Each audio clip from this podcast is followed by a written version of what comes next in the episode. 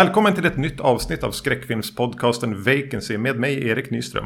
Och med mig Magnus Johansson. Och till det här avsnittet har vi även en intjatad gäst. Så tillvida att han har gnällt i typ 3-4 år om att få prata om de här tre filmerna. Välkommen Emil!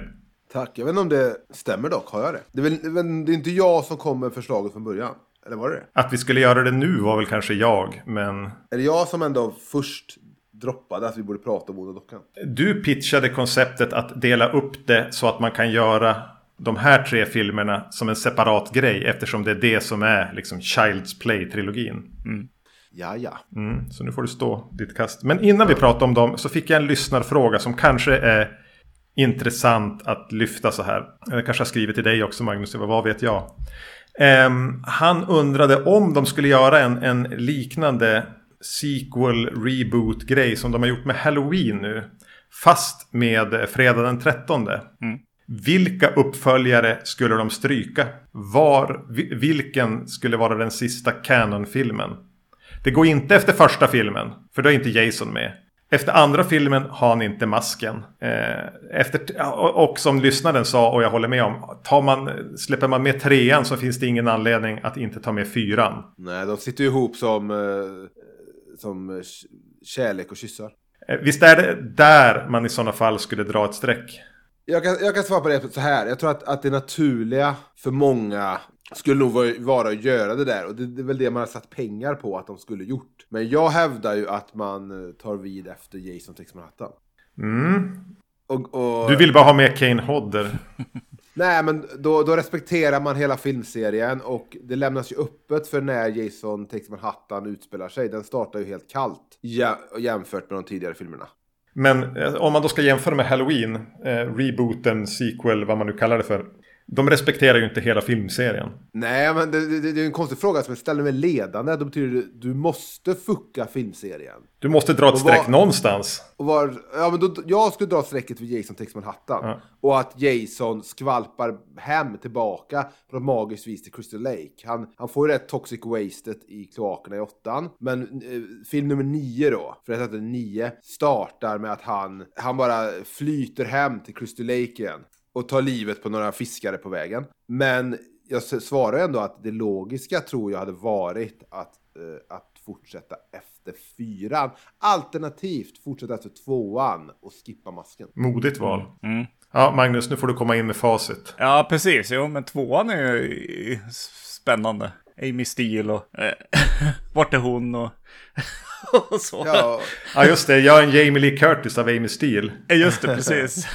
inte, inte köra, vad heter det, Tommy Jarvis, utan, utan och då, Ginny. Då, Ginny. Då hade ju då hade ju Jason kunnat vara med den här Hillbilly-Jason som är med i tvåan i, i någon sorts flanellskjorta och uh, som springer efter offren och allting. Mm. Så hade man kunnat ta han en helt annan riktning, så här vildvuxet hår och...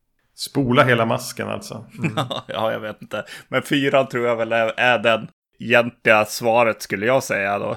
Göra en ny så här, uh, Jarvis, uh, kolla hur det, checka in där liksom. Det känns ju mer som det de har gjort med, med vad heter det, Halloween. Mm. Jo, men då, då ställer jag frågan, för att jag menar, så man eh, följde upp fyran senast när det begav sig var ju att man lät Jason bli en zombie som kom tillbaka från de döda. Mm. Ja. Hur skulle man då följt upp den här då, att han inte dör av det yxhugget? Ja, det är svårt. Tvåan går ju att följa upp mm. med att han lever. Ja. ja. Fyran måste du göra en ny variant av Zombie-Jason alltså. Alltså om du ska, om du ska göra en ny alltså reboot från fyran. Jag, mm. jag, tror att man skulle gjort så att Jason på något sätt över... Han, han ligger i koma i början. Med stort jävla yxhugg. Eller är det machetehugg han kanske har? Ja, ja. det är en svår, svårt huvudtrauma. Ja, men så typ så. Då får ju resten av de filmerna ha liksom ett stort jävla hack rakt genom skallen. Så hela ögat helt söndrigt och rinnigt. Mm. ja, svårt. Jag skulle nog helst vilja sett, sett en eh, uppföljare efter tvåan då helt enkelt. Och ja, det lät mest spännande nu med mm. Ginny Field. 20, vadå? 40 år senare. Ja. Hade man inte kunnat följa upp första? Nej, men det blir svårt som du säger. Jason, man behöver ändå masken för det som är ikoniska. För Terra på Elm Street skulle man kunna följt upp direkt efter första filmen. Ja, det tror jag man skulle göra om man skulle göra det med Elm Street. Då är det första. Ja, ja. Mm. ja men det är tur det finns bättre filmserier att prata om än Elm Street då. fredag den 13. Exakt.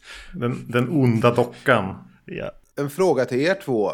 Vart skulle ni placera den här någonstans i, om man skulle sätta upp alla de här slasher-filmserierna på 80-talet? Så är väl ändå Terra på Elm Street, möjligtvis Fred 13, eller Halloween kanske är den, eh, den som placeras högst. Ja, Och sen kommer ju Fred 13 och Terra på Elm Street, det är de tre, de tre pallplatserna. ja. Sen ko kommer Onda Dockan sen eller kommer Hellraiser före Onda Dockan? Hur placerar ni? Vart kommer Onda Dockan i The Hall of Fame av slasher-genre? Det är Slasher lite svårt att jämföra då den kom så mycket senare.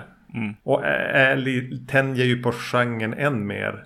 Men den har ju just den här tropen med, en- med en väldigt ikonisk mördare.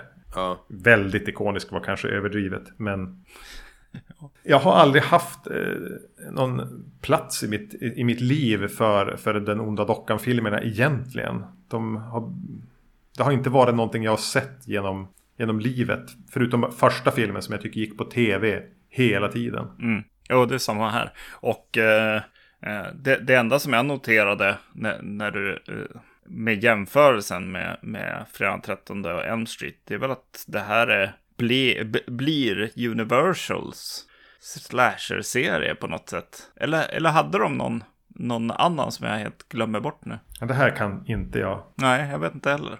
Men det var ju som att Paramount New Line, der, deras liksom slasher, liksom nya, nya monstrarna helt enkelt. Och här är det Universal-loggan som dyker upp. Så jag vet inte.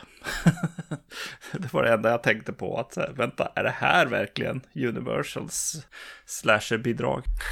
Jag vet inte varför jag tycker det, men då det är lite svagt att ha Onda Dockan som sin ja, slasher-serie av någon anledning. Mm. Även om den, den är väl lika stark som alla de övriga som har listats. Men, mm. Ska vi bara helt enkelt börja prata om första filmen? Child's Play eller Den onda dockan. Från år, vad är det, 88? ja. Jag bara stanna upp där och fundera lite kring titeln. Visst är den torftig? Child's Play. Ja, Ja, Child's Play är inte bra, men översättningen är ju ännu värre. Det är svårt med titlar som man levt med så länge. Ja. De, blir, de, de blir så naturliga och Onda Dockan, ja, det, är- det är en väldigt eh, grundtitel. Den är ju väldigt självklar. Den hade ju kunnat heta Barnlek. Barnleken. Ja, eller ett barns lek. Ja. Men ja, för Onda Dockan är bara väldigt beskrivande över exakt vad, vad det handlar om. tjejen som föll över bord. Ja. Den typen. Mm. Child's Play är väl ändå tänkt att vara lite någon sorts ordlek eller typ. Finns ju någonting mer där i att it's just Child's Play. Ja. Jag tänker att de flesta som lyssnar vet ungefär vad den handlar om. Men en eh, seriemördare undslipper döden genom att placera sin själ i en docka som hamnar hemma hos en liten pojke som lever med sin ensamstående mamma. Dockan lever, saker händer. Får jag bara säga en sak och det är att jag har bara sett originaltiteln på manuset var, eh, tror jag, Batteries Not Included. Hade det varit en bättre titel? Kanske för navelskådande. Ja, kanske. Ja, ja, kanske. Framförallt för att batterier är ju included. Ja, ja bra. Det är sant. Det är, Det är en av sant. de stora twisten i filmen. Yes. Enda gången en leksak har skickat med on-brand batterier. Eller? Är, det vanligt? Men är det inte också en av få gånger som leksak skickar med batterier? Brukar inte det vara en sån sak man eh, alltid har svurit att man måste införskaffa? Ja, precis. I besvikelsen på julafton när, när nya leksaken är öppnad och man, det fanns inga rätta batterier hemma och det var inte öppet för en tre dagar senare att köpa sådana. Just det. Nej, precis. Det känns som att det, det är så liksom, verkligheten borde fungera. Yes. Batteries included har man ju inte hört. Nej. Ja, hur börjar man att prata om den onda dockan då? Va?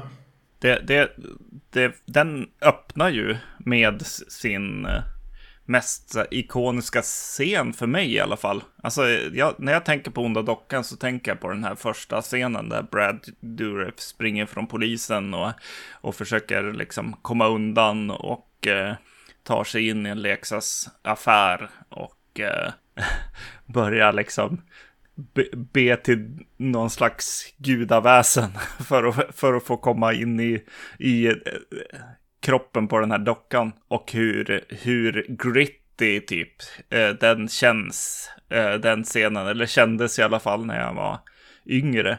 Så det var lite roligt att se den nu igen. Visst är den väldigt lång den scenen? Mm.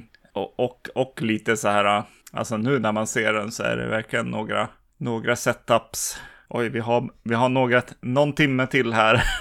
den, den känns lite, eh, ja, skyndad på något sätt. Fast ändå lång. Mm. Är den inte också eh, ett av filmens svagaste kort? Vad fyller den vad fyller det introt för funktion? Hade inte filmen varit starkare om vi inte visste i filmen varför ondan varför dockan är ond och att det eh, nystas upp under filmens gång. Jag tänkte precis samma sak när jag såg den. Varför sitter jag och tittar på det här? Och vill de verkligen att det ska vara tydligt från första början? Att det ska vara från punkt A till punkt B. Vi ska veta att dockan är ond. Vi ska veta varför den är ond. Man ska mer liksom... Känslan ska vara, men ta inte in den här i ditt hem. Mm. Så behöver den ju inte vara evig. Som den där eh, scenen som är, känns på leksaksaffären att den är. Där, eh, alltså det, det, går, alltså han är en usel snut Chris Randon här. Mm. Han, han, har skottskadat eh, Brad Dourif, eller han är en dålig människa på allt. Brad Dourif är svårt skottskadad, stapplar runt inne på en leksaksaffär, välter yeah. allt han kommer i närheten av. Men Sarandon kan omöjligt lokalisera var han är. Yeah. Och det pågår i vad som känns som en kvart. Ja. Det jag uppskattar dock där jag tycker scenen borde egentligen strykits. Det känns som att det är så här, oj filmen är för kort. Ja, vi har det introt, ja men gör det så långt som möjligt så vi når den längden vi vill nå. Mm.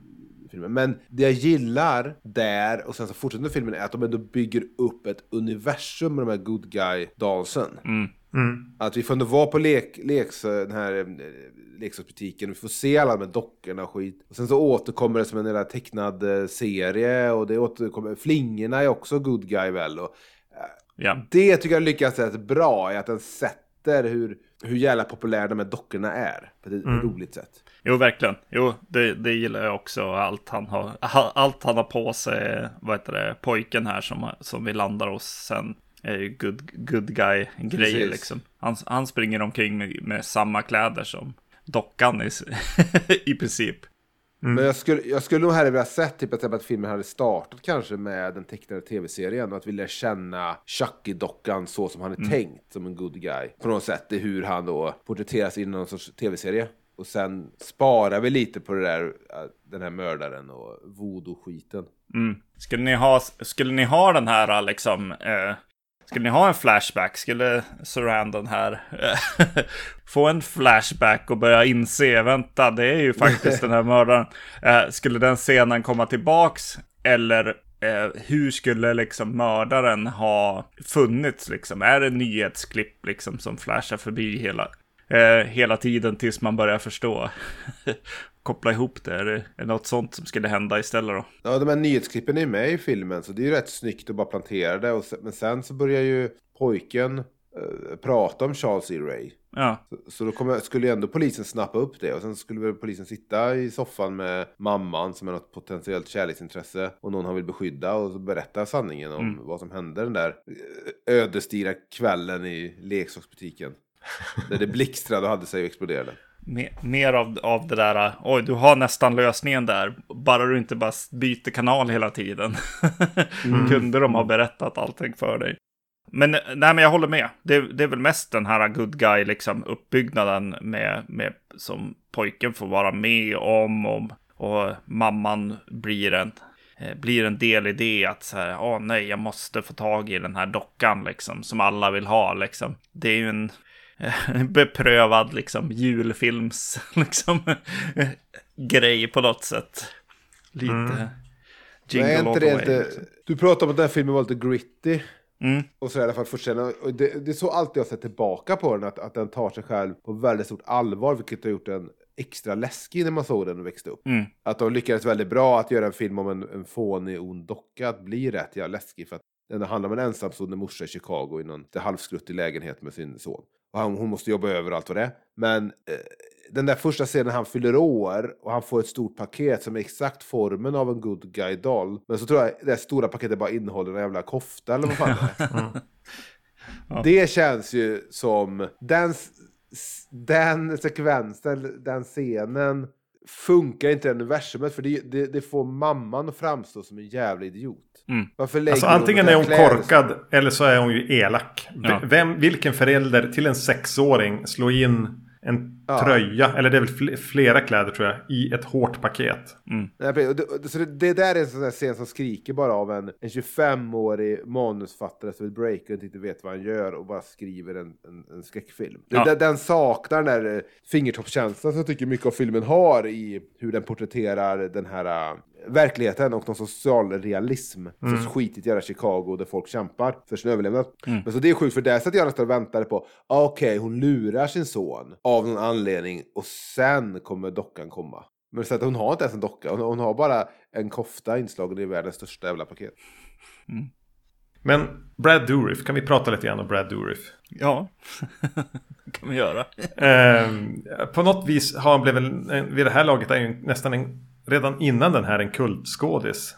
Mm. Som var den här killen som, han vann väl en Oscar, eller var Oscar-nominerad jätteung. Gökboet eller? Ja, visst var det så. Eh, och, och gjorde några så här roller där han tänkte att han var den nya, han var den nya Brando eller någonting. Men det var han ju verkligen inte. Och, eh, även om jag har velat gilla Brad Dourif genom åren.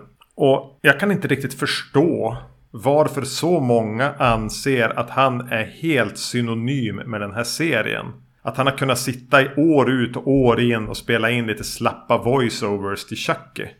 För eh, ja, han ser väl otäck ut i långt hår, må så vara. Men i övrigt, jag tycker inte han tillför någonting. Vare sig som, som mördaren här vi får se i, som människa. Eller att det inte finns någon annan som hade kunnat göra ett bättre jobb med rösten till Chucky.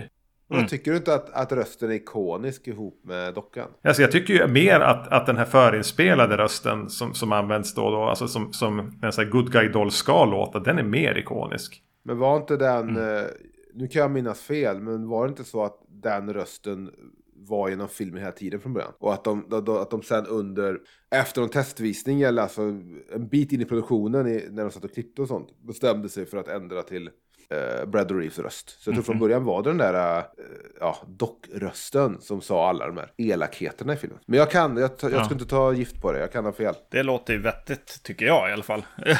men sen, ja, Men- test, men jag- innan, jag- test, innan man sätter den framför testpubliken i alla fall.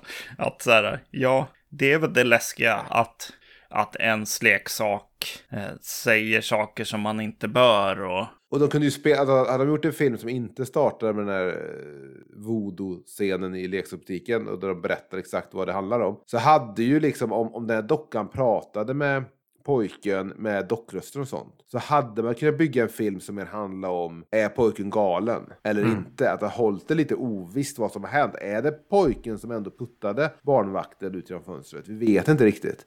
Eh, dock finns ju, alltså jag tycker den konfl- eller kontrasten eller um, diskrepansen mellan den lilla söta dockan och uh, Brad Reeves röst tycker jag ändå tillför någonting. Jag tror ändå det, det har, har ändå haft del i att göra filmserien så ikonisk som den är. Eller liksom. Jag tror att för mig så blir det ett bekymmer också för att varje gång eh, Brad Dourifs röst ska in så byter de docka. Att när man får se han bara vara en vanlig docka så har de här halvslutna, slöa, döda ansiktet. Men så, så fort man så byter de till någon med animatronic-funktioner som är lite gråare i hyn. Så att eh, eh, det är ju inte sömlöst mellan effekterna där. Nej. Så det känns ju som två olika dockor snarare än att eh, han har en och samma. Ja, det, det, har ni sett det Seinfeld-avsnittet när han dejtar en tjej som är snyggt i vitt, visst ljus men fult i annat ljus? Jo, Det blir lite den grejen med Chucky, att det klipper mellan så här supergulliga Chucky och den här lite med animatronic eh. Och Det, är som, det är som du säger, det, det är inte helt sömlöst. Nej. Men det funkar. Det, det känns som de försöker liksom, jag, jag, eller jag, jag fick försöka hjälpa dem med att tänka på det här att han håller på att bli mänsklig. Eh, att det är någonting där som de försöker göra, men det, det, det sker ju inte över filmens gång att den blir mer och mer hud, eller vad man ska säga, mer och mer. Eh, Men är det inte, gör de inte någonting att de har, har olika dockor genom filmen? Är det inte någonting med att de ändrar frisyren eller de ändrar... Det, fan, jag har sett någon bakom film eller läst om detta någon gång. Det är någonting med att de ändå faktiskt byter docka under filmens gång. Ja, jo men det, det tror jag nog. Alltså, för det, för det är ju, hör ju till på något sätt att så här, ja men nu börjar jag blöda och så vidare liksom. Mm. Men För han blir, han blir väl mer mänsklig i ansiktet, blir han inte det? Ja. Eller är det bara att de byter mellan animatronic-dockan och den stillasittande proppdockan?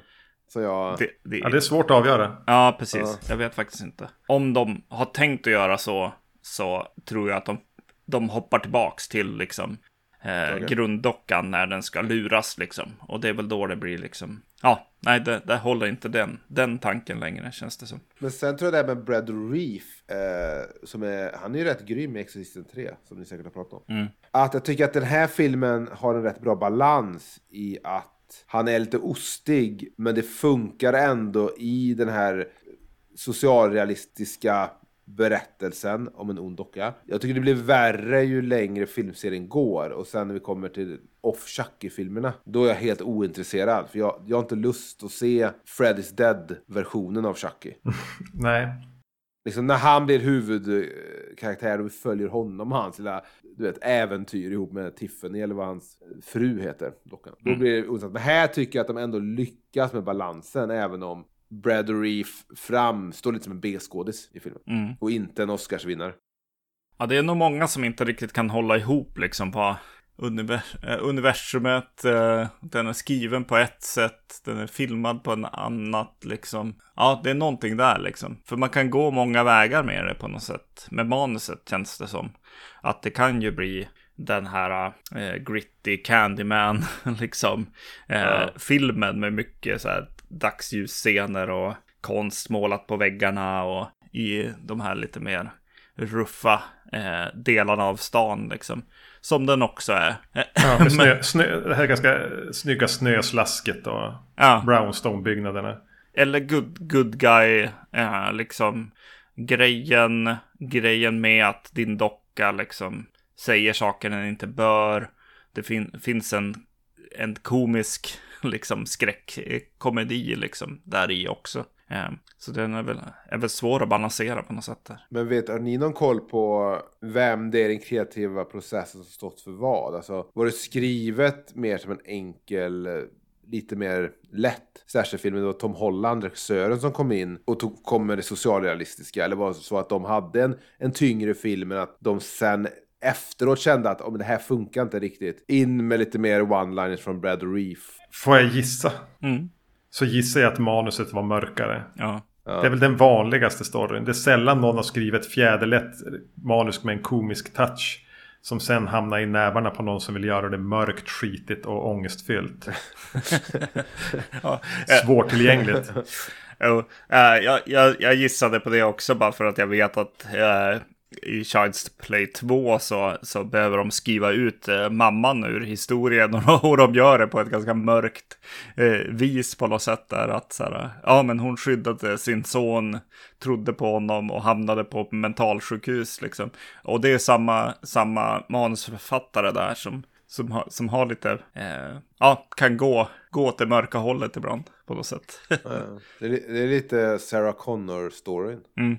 Ett annat problem för mig var, och här känner man sig alltid som en dålig människa när man tar upp. Men det är ju att den eh, Alex Vincent som spelar pojken här, Andy, han är fruktansvärd.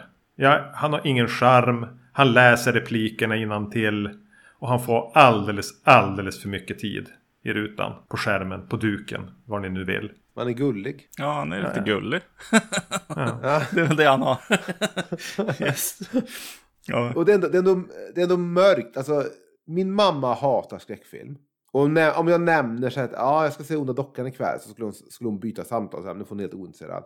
Men när jag var hemma i Trollhättan och vi hade gått och sett Top Gun, Maverick, så käkade vi tapas efteråt. Jag och min mamma och min syster. Och då, bara provocerande, och jag tyckte det var lite roligt, så började jag prata om Onda Dockan och började prata om storyn, men på ett väldigt allvarligt sätt. Och då kom ändå min mamma lite in och blev väldigt intresserad. Så då blev hon lite så här, vadå, hamnar han på mentalsjukhus? Ingen tror på honom. Mm. Alltså att, att det, fin, det, det fanns något ändå som ändå kunde, du vet, man kunde, man kunde liksom lämna under dockan lite och ändå fastna för dramat. Mm. När, man, när jag berättade om det. fall. Och det är ändå lite mörkt detta, att han hamnar på något så här mentalsjukhus. Jag vet inte hur, hur liksom väl researchat det där är, hur det går till när SOS kommer. Om de bara plockar en pojke så och slänger in honom i något så här mörkt mentalsjukhus ute i... ja, just det. Och, och också just den här eh, inte tro på honom eller, eller uppenbarligen så, så ljuger han ju liksom eh, för mm. polisen och mamman och alla liksom. Alla som har vett i huvudet liksom. och vet, vet vad verkligheten är. Så just, just den här scenen när, när den här som sitter barnvakt faller ut genom fönstret. Eh, eller blir knuffad ut genom fönstret. Där är det ju scenerna efter det. Det, det tycker jag är rätt bra faktiskt. att, att det börjar kännas så här. Ja, fast du kan ju inte stå här och bara säga att eh, din docka gjorde det. det är klart att du gjorde det. Och, och det är mörkt för man själv sitter och känner, okej okay, men jag skulle inte tro på pojken heller. Nej, nej. Nej, man själv hade ju, mm. ja precis, man hade, man hade ju själv liksom, ja, man får slängas in på något där barn mentalsjukhus då. Så enkelt är det ju. Mm. Ja men det är ju, det är ju rätt eh. beslut att ta. Ja, för han fortsätter ja. att döda folk liksom. Ja, ja. yes, absolut. Men vad tycker ni om, vad tycker ni om så här, relationen Chucky och pojken då? Även om då pojken kanske är värdelös men ändå väldigt gullig. Det, det är ju väldigt, en stor bit av filmen är ju de åker på äventyr tillsammans. Till någon sorts förort. Mm. Mm. Ja. ja, jag vet inte. Jag tycker det är småtråkigt. Ja, det är nog det. Nej, för jag tycker det att det hela voodoo-inslaget borde hållas till om man var tvungen att använda voodoo för att förklara att Charles E. Ray hamnade i dockan. Visst, man måste, man måste hitta något sätt. Men man kunde hållit det minimum. Jag bryr mig inte så mycket om någon jävla voodoo-polare som bor ute i förorten. Nej. Eh, Chicago voodoo. Ja. ja. Och jag kan hålla med om att det känns som ett udda inslag i en citationstecken slasherfilm. Att vi bara är på något äventyr där han, du vet, där, ja, han drar runt på, slä, släpar runt på Chucky på diverse så här någon tunnelbana. Och, mm. Eh, så då sitter jag också lite uttråkad. Även om det känns ändå tillräckligt socialrealistiskt och sådär 80-talsmörkt. Ja. Ett annat problem för mig med filmen är egentligen kanske ganska stort. Och det är att jag har jättesvårt att se Chucky som ett hot. Ja. Jag, ser med, alltså, jag skulle bara sparka ja. iväg honom som en fotboll. Och så var saken avklarad. Alltså det ska ju vara som att slåss med en fyraåring. Ja. Även om fyraåringen har kniv. Alltså jag är ledsen, han har inte en chans. Även om, om fyraåringen har en pistol. Jag är ledsen. Frågan är om inte en fyraåring fan har större chans än vad Chucky har. ja. För han är, han är svårt att artikulera. Alltså han, är, vet, han är ju ändå plast. I alla fall inte en stor del av filmen. Mm. Mm. Jo, men jag tänkte på det idag. Det här med att, jag menar, dockor som eh, är onda på något sätt känns som en rätt naturlig skräck, en beståndsdel som är rätt naturlig i en skräckfilm. Eller typ någonting om kretsen skräckfilm till. Men det är det att man har inte gått till att det ah, ja det är en docka som är förbannad på något sätt. Så att den, den får människor att göra galna saker eller den, den, den för med sig ondska till hemmet den är i eller någonting. Utan det finns ändå någonting jäkligt punkigt i att man, nej den här lilla jävla dockan ska vara en slashermördare. Det varit så enkelt att bara göra mer typ någon sorts spökfilm av ja, det. Jag försöker minnas ja. hur de gör i Annabelle nu. Jag kan faktiskt inte komma ihåg det. Jag tror att Annabelle har ett gäng eh, demoner och spöken med sig. Som gör eh, grovgörat. Sen finns det någon, sen finns det någon dockskräckfilm som heter Dolly. Dolly Dearest Jag vet att den fanns att hyra brevbonde docka. Men vi visste redan ja. då att så här, på den tiden, tidigt tal, att det där är inte riktiga onda dockan. Vi, vi letar efter den, den han har, vet, omslaget när han står med saxen istället. Whatever. jo, men jag tyckte bara var intressant. det finns ju någonting, någonting som inte funkar från början i att göra dockan till Jason Voorhees. Som de gör här. Mm. Ja, det är svårt. Ja, så det, man, man får ju på något sätt köpa faktumet att den här dockan, och det kommer kom ju många tillfällen i filmserien där det är så här, men Chucky kan inte ha den styrkan, att han kan göra det han gör nu. Det, det går liksom inte. Nej, alltså eh, det känns som en film som, ja men vill vara lite så här mörk som eh, Elm Street, första Elm Street-filmen. Och, och de sätter liksom Chuckys eh, attityd eller vad man ska säga. Jag, kan, jag kanske, kanske kan förstå där att de har bytt ut hans röst liksom eh, till Brad Dourif liksom i hur typ eh, ond och mörk tanken är med, med honom i alla fall. De kommer ju inte hela vägen dit. Och hur de också lägger, eh, lägger one-liners i munnen på, på protagonisterna snarare än antagonisterna också. Det, det, det, det, är lite mer så här återhållsamt. Han, han säger inte jättemycket saker. Och eh, sista så här, ja, han försöker ju uppmana till det här Friends till the end, liksom, som man säger hela tiden att han vill vara, liksom. Och eh, att han inte tar, tar steget och säger this is the end, utan det gör pojken faktiskt. Just det. Jag, jag, jag kan definitivt se genom eh, filmserien att så här, eh, eller framförallt i tvåan att så här, ja okej, här, här är det en vändning liksom på, på G till, till den här slasher-mördaren eller Freddy Krueger-karaktären som kommer in i bild, säger något tufft och slasher-mördar någon liksom. Första filmen är väl mer en thriller. Ja, precis. Ja. Mm. Jag ställer mig frågan om man verkligen visste att Chucky skulle vara den där uh, huvudkaraktären, Freddy Krueger-figuren. För på biopostern så är det ju väl en bild av uh, lägenhetshuset de bor Ja, i. exakt. Och den här, barnva- den här barnvakten som ramlar ut genom fönstret. Jag vet inte om Chucky är med eller om Chucky vagt är med i bakgrunden. Men det är inte så att han är front and center. Så jag, som Erik säger, jag tr- tror det var, tanken var med att det är en thriller om en ond docka. Men inte att dockan är det vi går och tittar på filmen för. Nej, så känns det ju. det är en rätt rolig slutstrid också i den här filmen. Alltså det blir bara det- mörkt på något sätt. Vad kan vi göra mer med det här? Men jag tycker de lyckas rätt bra att skapa spänning i den här lägenheten när, när, när Chucky Ja. springer runt uppeldad. Och jag tycker det är faktiskt riktigt grymt. Jag tycker han ser jävligt cool ut också när, han- när han väl är helt jävla sotsvart. Mm. Men och sen också den scenen när, när mamman upptäcker att uh, dockan inte har batterier är ju så här. Den, när man satt och skrev den scenen så förstod man ju jävla bra den var, den vändpunkten i filmen. Mm. Den, är ju, den, är, den är fantastisk. Den är ju så här, ett, en, ett ikoniskt filmhistoriskt ögonblick. För mamman. sätt. Men vi har ju, vet ju att dockan lever. På vilket sätt är det en obehaglig twist då? Alltså att strax innan sista akten ska börja få Nej, men vi veta får att känna då att Nej, fan, den har inga batterier. någon tror på honom. Mamman tror Mm. på honom. Ja, På precis. pojken. Och då ska man vara med pojken, ja. Och det är ju inte Nej. Erik, helt klart. Nej, för han, ha, han hatar ju det här barnet. ja. Aktivt hatar barnet. den är så störig. Okej, det- okej, visst. Jag håller med dig om att man kunde liksom gett den scenen bättre förutsättningar. Men ändå en jävligt Ja, ja. skriven scen. Sen, sen satt jag den här gången och tänkte så här. Hur kommer det sig att hon tittar efter batterierna? Och, och det är lite, hon tittar bort mot, mot dockpaketet som står. Kartongen.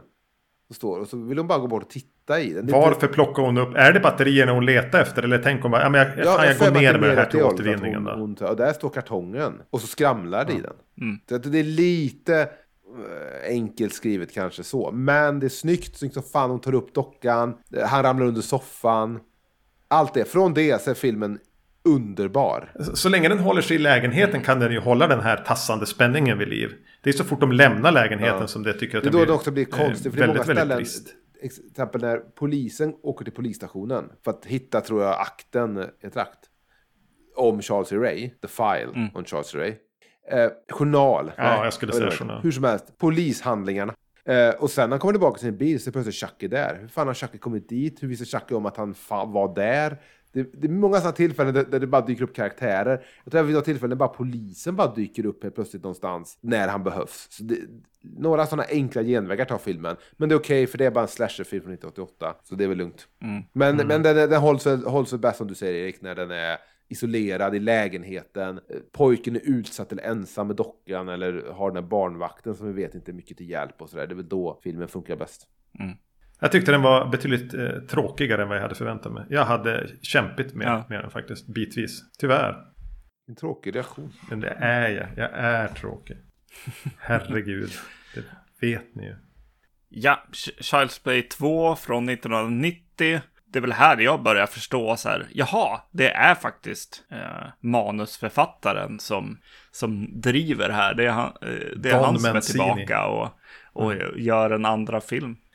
Vill ni veta någonting om John Lafia som har regisserat den? Gärna. 2020 hängde han sig. Ja, det, det är väl- välkommen till Vacancy-podcasten. där vi, Jag klippte nyss föregående avsnitt och då upptäckte jag att jag ironiserade över att jag alltid lyckas dra upp Ja. någonting om någon som Jaha. visar sig ha hängt sig. eh, han har ju gjort en film i alla fall som vi har pratat om tidigare, va? Man's Best Friend. Har du sett den Emil? Är det en film om hundar kanske? Mhm, Den Eller onda en ond hund. Ja. Inte sett. Men eh, jag visste inte om det så att han skrev, var med och skrev första filmen och nu regisserar han. Nej, nej. Don, Don Mancini har ju skrivit Jo, allting. men jag tror, nu titt, Jaha. jag tror han var med och John Laffia var han med och skrev första? På no- på så något sätt. Han är död åtminstone. Ja, det, det är tråkigt. Eh, Men vad väljer de att göra med den här filmen då, Erik? Om du jämför den med första filmen? Om du Ja, de- kontrasterar de två. Eh, De tar det hela vidare till ett familjehem där, man har redan glömt vad han heter, Andy. Eh, Blir, placerad efter att mamma ju hamnar på dårhuset. Så då måste han vara där åtminstone tillfälligt tills hon tillfrisknar. Eh, Chucky börjar återvända till liv och, och jagar honom för han kan ju bara återfå sin mänskliga form om han offrar Andy. Kan ni förklara för mig varför de satte ihop Chucky? Jag ställde den frågan under filmen. Här, Det, det har gått fem minuter av filmen, man bara, jag måste bara pausa. Ursäkta mig, varför, bygg, varför bygger leksakstillverkarna ihop dockan igen? Exakt den dockan också. De har ju säkert en miljon andra exakt likadana dockor De har också landet. typ anförskaffat sig, om man säger så, dockan. Alltså, för, Ja. så, för att sätta ihop honom igen av några nå PR-skäl. Men vad är, vad är PR-anledningen att bygga ihop dockan från de, de brända kvarlevorna av den förra dockan? Jag skulle faktiskt ha tagit en, en, en annan docka och sagt att det här är den. Om det nu fanns ett PR-skäl. Men jag har svårt att se vad PR-skälet skulle vara. Jo, men det, var, det är väl att vad heter det, eh, eh, Andy här, alltså det, det, har, det har hamnat i media. Oh, var hans docka eller vad heter det, besatt eller inte liksom. Eh, så det är väl en, en eh, försäkringsanledning eh, liksom. Att låt oss bevisa att det är så att den inte finns, att den inte lever. Liksom, så att vi kan sälja vidare de här dockorna utan att ha den där stämpeln av att så här, Ja, Just det. min docka kanske kommer att mörda mig. Det, det, du säger, sönder, det du liksom. säger håller ju inte nu. Nej. Det- för de kunde, de kunde gjort så enkelt att, att eh, den brända Chucky-dockan le, lever på något sätt och så du vet, ta på sig ett annat dockhuvud eller någonting. Sakta re- reparera sig själv. Ja, precis, på något någonting vis. åt det hållet. För det här är så här, oj, det här, de har inte haft en aning om hur de ska fortsätta den här filmserien. Och det här är så här, sista minuten ihopskrivet utan att någon orkar eller vill, du vet, ställa sig frågan om, är detta Ja. logiskt? För det, är ju, det, det, finns ju ingen, det finns ingen anledning. Men det är kul, det är kul att se, Mm. kul att se fabriken. Jag tycker att själva återskapande sekvensen här när vi får se det brända dockansiktet och de sätter in nya ögon och liksom hela restaureringsprocessen är nästan höjdpunkten med filmen. Under förtexterna tyvärr. Ja. Men att det är någonting coolt Det är med lite så här en, en Elm Street-film startar. Ja, liksom, Det är väldigt sätt. del fyra där när uh, Freddys skelett sätts ihop igen i, eh, på bilkyrkogården. Eh, och det är lite Ja, Frankenstein och sen kommer det lite blixtrar och sånt och nå- någon av de där eh, dör och det, det ja. Men sen, kast, sen kastas vi rakt in i en tv-film. Där Andy ska försöka komma till rätta i sin nya fosterfamilj. Eller vad man nu ska kalla dem för. Mm. Samtidigt som Chucky då som sagt var jagar honom. Ehm, ja, Grace Zabriskie är, är, är sostant. Det tyckte jag var kul. Äntligen fick jag en sostant Ja, att se, se upp nice. till på, på, på vita duken. Har jag en förebild. Det är Twin Peaks-damen. Ja, det är Lauras mamma. Ja, okej. Och jag tyckte det var kul att se lärarinnan från Donnie Darko och även lärarinnan här. Det tycker jag alltså i allmänhet att på, i alla fall än så länge i serien. att man ändå känner igen folk. Ja. Eh, Det känns som att det är en serie så här som, som har en, ja men kanske några eh, thrillerskådisar liksom i sig. Och det är ju Jenny Ag- Agutter, vad hon heter, som spelar mamman. eh, Fosterhemsmamman. Brittisk skådis. Mm. Vad är det? Amerikansk varor i London. hon är. Hon hon har åldrats mycket Mm. i alla fall mellan de två. Eh, Men och, även att jag kände igen han som spelar pappan här jätte, jättemycket. Eh, Men jag lyckades inte identifiera varifrån när jag gick igenom Mm. Jag gjorde exakt samma sak. IMDb-resumé. Jag, jag fick inte ihop det riktigt. Det måste ha varit någon tv-serie eller någonting. Sån här komma hem från, från skolan och det gick nog dumt Men du, kanske. du sa eh, tv-film här, Erik. Det känns som en tv-film. För jag tycker man märker direkt att de har skalat bort ett lager av det socialrealistiska smutsiga från första filmen. Vilket... eh, Och liksom gjutit in mer av det här, äh, så här färgglada Freddy Kruegeriska från del 4 och Freddy's Dead. Lite sådär, att det ska bli lite mer Chuckys show. Allting är gjort lite lättare, lite så här. Vilket är lite tråkigt för att de följer ändå upp filmen rakt efter. Det är ändå fortsatt Andy, samma skådis. Eh, livet i en fosterfamilj hade kunnat berättas med samma, eh, ja, på samma sätt som första filmen. Jag tycker, men det blir lite lättare, det blir lite mer så här slasher-lek här. Ja, ja, ja. Den, den, den placerar upp karaktärer och ja. sånt som vi vet ska dö i en viss ordning. jag bara tänkte på just tv-film. Eh, det kanske är annat också liksom. Sena Elm Street eller något sånt liksom. Att nu, nu kan vi det här på något sätt. Eh, regissören verkar ju ha, ha lekt mycket med, vad heter det, bildmanus och så. Han kommer på att så här, ja, men då ska, kam här ska jag ha en vidvinkelkamera och här ska jag göra den här åkningen och några sådana här lite övningar med att eh, åh, en, en karaktär svänger huvudet åt vänster och kameran följer med och zoomar in lite och slowmo eh, används en del också och så här. Det är väldigt mycket så här. Eh, jag ska göra film. ja, men är inte lite, är inte lite min första film. Lite ja. ja, precis. För jag märkte, jag, jag tänkte på det att det var mycket vidvinkel. Mm. Men eh, det jag tycker nästan är, det jag tycker funkar väldigt bra i filmen i alla fall. Det är en mm. slasherlek, det är inte thriller längre, utan nu är det så här, eh, fan, ja. Eh, det, det, är som det är och det är underhållande. Chuck är rolig och allting. Men jag tycker att... Rolig? Tyckte, men tillräckligt underhållande. Skrattade du åt någon, någon, någon, har, ja, någon gång? Alltså, har du skrattat åt Chucky? Tycker du att han är rolig? Nej, men okej, men det, det, filmen är lättare om vi säger så bara. Mm, jo, det är den. Mm. Men, men, jag gillar ändå relationen mellan Andy och den här uh, fostersystern, om det är mm. ett ord man säger. Men den här som, den äldre tonårstjejen som också bor i det här hemmet. För det fick mig att minnas och tänka lite på, är det Halloween 5? När uh, den, un, den unga flickan också får syrrans kompis som har överlevt blir lite någon surrogatsyster där i den filmen. Det känns lite som, som den typ av relation. Det tyckte jag var så här, äh, det är trevligt och jag tyckte, jag tyckte om äh, när hon försökte hjälpa honom och uh, började tro på honom. Så tyckte jag det fanns något där som var tillräckligt tre, trevligt för att inte vilja stänga av filmen som säkert Erik ville. Nej, jag vet inte om jag ville slå av den. Det var någonting bara så alltså djupt deprimerande med det här, eh, om vi då bestämmer oss för att kalla det för fosterhem. De är bara sorgliga. Han vill inte ha några barn eller ungdomar där. Nej. Och hon verkar bära på en stor sorg att, över att eventuellt inte kunna få egna barn. Så istället har hon mm. samlat på sig en massa dyra antikviteter som alla har ett affektionsvärde till henne så ingen får störa eller röra någonting. Det enda de kan prata med alldeles för högt alltid när barnen är där är att det här går ju inte. Mm. Han är ju alldeles förstörd. Ja. Varje dialogutbyte de har är ungefär det. Och han är alltid där och hör det. Mm. Det, det bara otroligt deppigt. Bara der, alltså jag tyckte deras relation var jättedeppig. Alltså familjen ja. där. Och vad händer jo. med dem? Ja, de blir dödade båda två. Mm. Ni har, lever miserabla liv. Ni, tar in, ni bestämmer er för att ge fel pojke chansen och ni blir som tack för hjälpen så blir ni bestraffade ja, med Det är döden. väl någonting med den här manusförfattaren. Alltså det finns ju någonting att, att gräva i där lite grann. tänker jag. Hur mår du? Don Mancini. ja, precis. Ja, men det, fan. Ja, men eh, det lä, läste jag nu. Det var inte... Jag borde fan snappa upp det jag läser bättre. Men var inte första filmen någon reaktion på hans egen relation till sin frånvarande pappa eller något sådär äh, våldsam pappa eller någonting och hans egen situation. Det var också, han är väl homosexuell också. Det var väl någonting kring det, ensamheten och, som han kände som homosexuell. Eh, men det jag vill ha sagt ändå är att jag tycker det är lite fiffigt i att det finns två Chucky-dockor. Den ena heter väl Tommy. Ja, just det.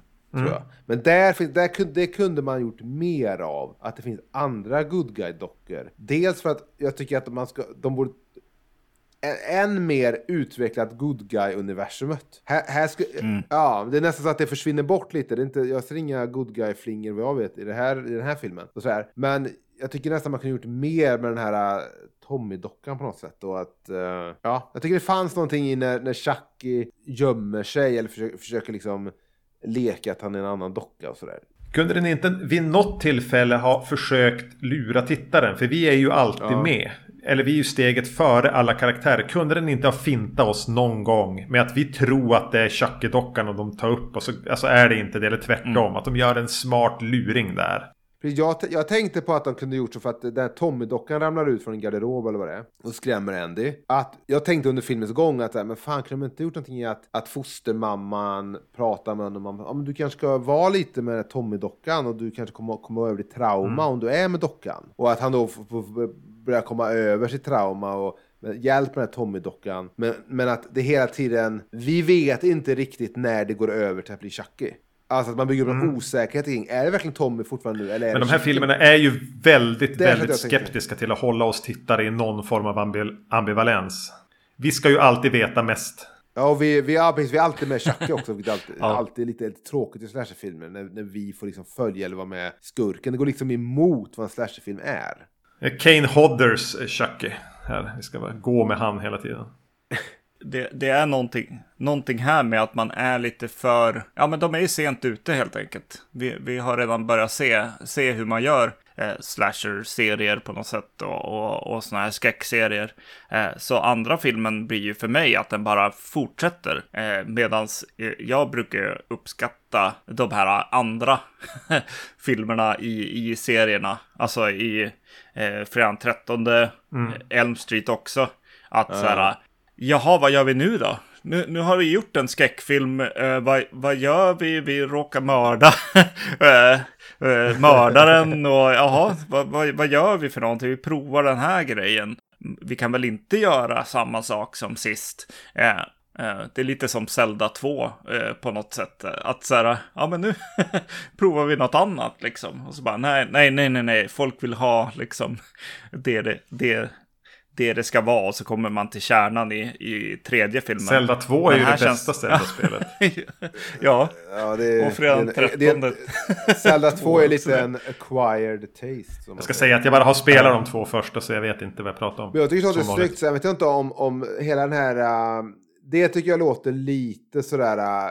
Fatalistiskt nästan. Man pratar om att eh, de, typ, vi säger Zelda 3 course correctar och gör rätt så att få gjorde fel. Eller samma med Trap Elm Street, att de course correctar.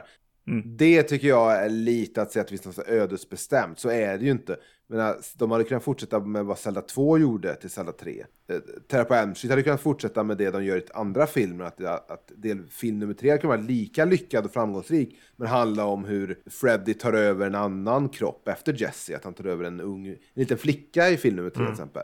Mm. Bara för att vi nu kan säga att filmserien blev väldigt lyckad med att de gick tillbaka till, till whatever. Så det betyder inte att det måste vara så. Samma med Zelda-serien också, vill jag bara ha sagt. Men det, det, du säger är... Nej, man behöver inte göra så. Men, men det görs ju, för, för det är ju feedbacken som kommer från, från tittarna. Ja, men feedbacken är väl ofta typ att... Det är inte som sist. Feedbacken är väl ofta så här, det här... För jag menar, så olika är inte Fredagen 13 del 2 ettan. Så olika är inte egentligen Zelda 2 och Zelda 1 heller. Från, ut från ett sorts makroperspektiv. Men det, det, det är fans väldigt duktiga på att säga typ så här, men vi tycker inte det här riktigt funkar, men det här funkar. Och då, så här, då håller vi kvar det lilla. Vi håller kvar Freddy Krueger till exempel. Mm. Vi håller kvar det och det och det. Vi håller kvar The Boiler Room. Men vi går tillbaka och plockar tillbaka detta och så här. Men det, det du säger, jag tycker, mm. det, här finns en känsla av också att de vet om vad en slasherfilmserie är när de är här. Så de, yeah. hopp, de liksom tar en genväg, de hoppar direkt nu till Terra del 4. De har inte, yeah. det är väl det du Exakt. kanske pratat om, att de, de experimenterar inte där med film 2 och 3, hittar vad är under dockan, utan de är direkt så här Okej, okay, vi har gjort film nummer ett. Det är våran Terrapan Street. Nu gör vi direkt mm. fyran. Nu låter vi Chucky dra sina one-liners. Han får med, fan, ha mer screen time än vad liksom vår protagonist har. Och Emil skrattar sig harmigt. Ja, det, ja det, jag, jag, jag uttryckte mig klumpigt.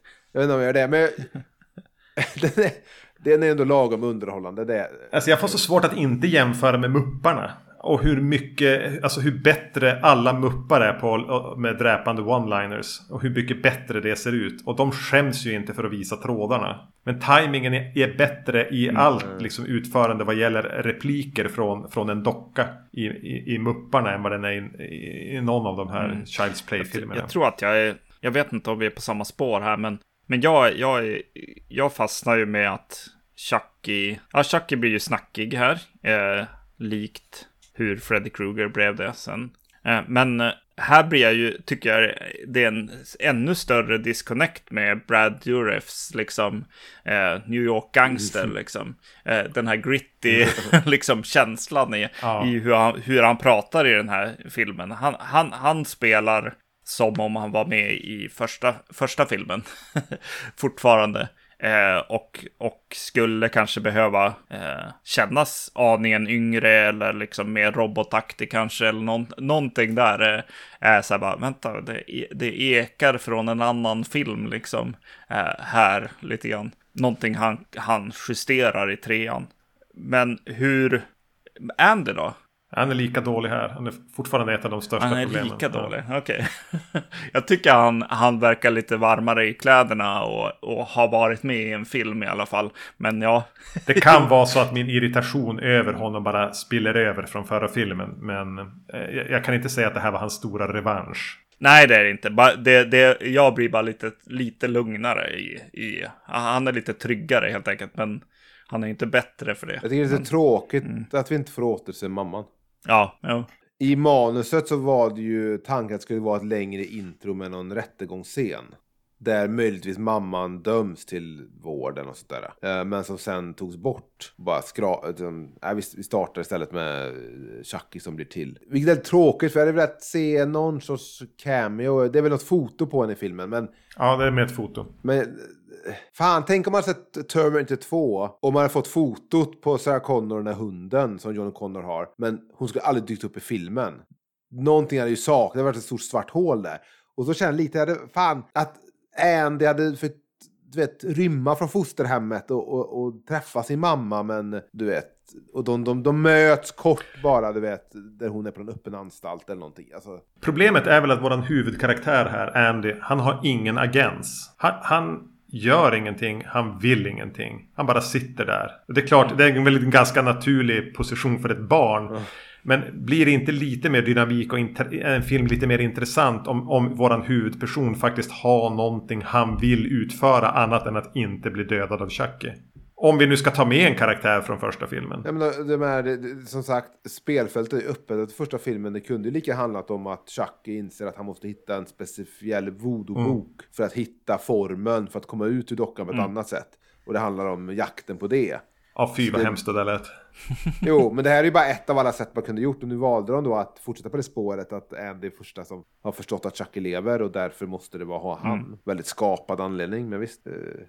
Jag vet inte, alltså, det är ändå ett barn som är utsatt. Och ingen litar på honom även här. Jag, jag tycker det, det, den premissen eh, funkar. Ja, jo men det, det hade något. Sen får han med sig den här tonårsflickan som hjälper honom. Och, och det är fan lite roligt ändå. Jag säger inte att jag skrattar Erik. Men ändå lite roligt när Chucky tvingar med den här jävla flickan, den här bilen. Ja, och grejer. Du vet, och, och, och, och, och, polisen kommer och stoppar dem. Och det, fan. Och sen det är det så självklart att, att, att det ska vara en sån här tredje akt och slut mm. i i, i fabriken där, man, där alla dockor tillverkas. Det är så självklart på något sätt, men också så jävla ja, mm, bra. Mm, det är mycket äh, referens liksom. Film, Terminator så. Ja, i, igen liksom kameravinklar och lite Evil Dead-referenser och sånt. Eh, mm. Det känns, känns väldigt mycket som, som att den här regissören vill att vi ska känna igen oss på något sätt. Den är ju rätt skojig, eh, slutstriden mm. i fabriken. Även ja. om det där är en fabrik, eh, alltså det är ju Willy Wonkas fabrik. Ingen fabrik har någonsin sett ut sådär. Ja. Men, men... Nej, och jag tänkte också, det, det, det är inte logiskt heller hur dockorna blir till. För ibland eh, på rullband kommer det dockor som har kläder på sig, men inget huvud. Sen på ett annat ställe så kommer det dockor som har huvud och kropp, ja. men inga kläder och sånt. Så jag, jag har svårt att förstå logiken, vilken ordning görs de här dockorna egentligen? det är lite olika beroende på vart de är i fabriken. Ja, men det är effektivaste pro eh, produktionsprocessen där är att göra alla dockor på olika sätt. Eller ha tre olika ordningar. Men den är lite skojig, det är den. Då, då, får de leka ännu mer. Men det är just att den, den bryter lite grann då det här än mer. Om vi nu ska säga att första filmen hade en, en, en, en viss socialrealistisk klang så får den ju följa med i viss mån in i det här deprimerande mm. fosterhemmet. Men sen är vi ju i någon slags Tim Burton-universum mm. i, i, i slutstriden. Så det håller ju ihop sig sådär. Även om de har ganska roligt när de är där. Något jag vill nämna är att det eh, vid något tillfälle jag inser att det här blir typ ledmotivet och det kanske redan fanns i första filmen. Men det är någon, någon som går upp för en, en trappa och det ligger ett rött garnnystan och det ska följas liksom upp och det är en spänningsmoment där i, någon gång i, i mitten av filmen. Så spelas en sån här väldigt Elm Street i slinga liksom den här som brukar gå. Hur ett, eh, hur det låter. Mm. Uh, nu har jag inte gjort det, men, men jag ver skulle verkligen vilja höra dem sida vid sida och så här bara, hmm, här, här är det lite lånat känns det som. Ja, det, men det är inte den som har någon dopplereffekt? Ligger det någon sån dopplereffekt på den där? Vad är en dopplereffekt? Är det någon slags eko? Ja, det är så här.